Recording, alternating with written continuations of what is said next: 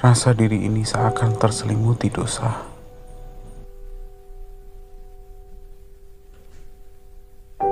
Mengapa?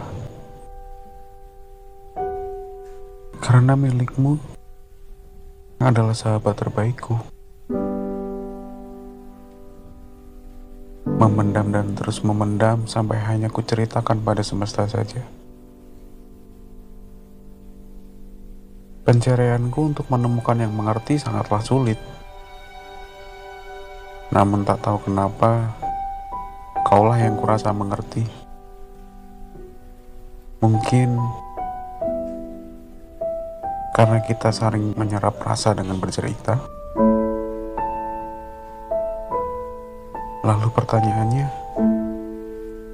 mengapa kita dipertemukan dengan perantara?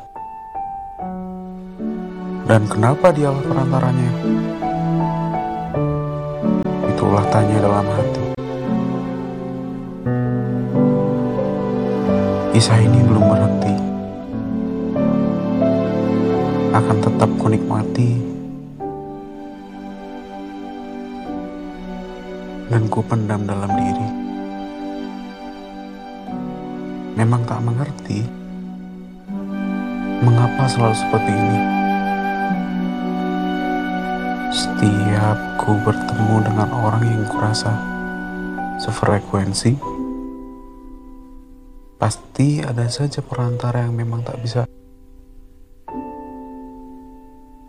untuk di sakiti.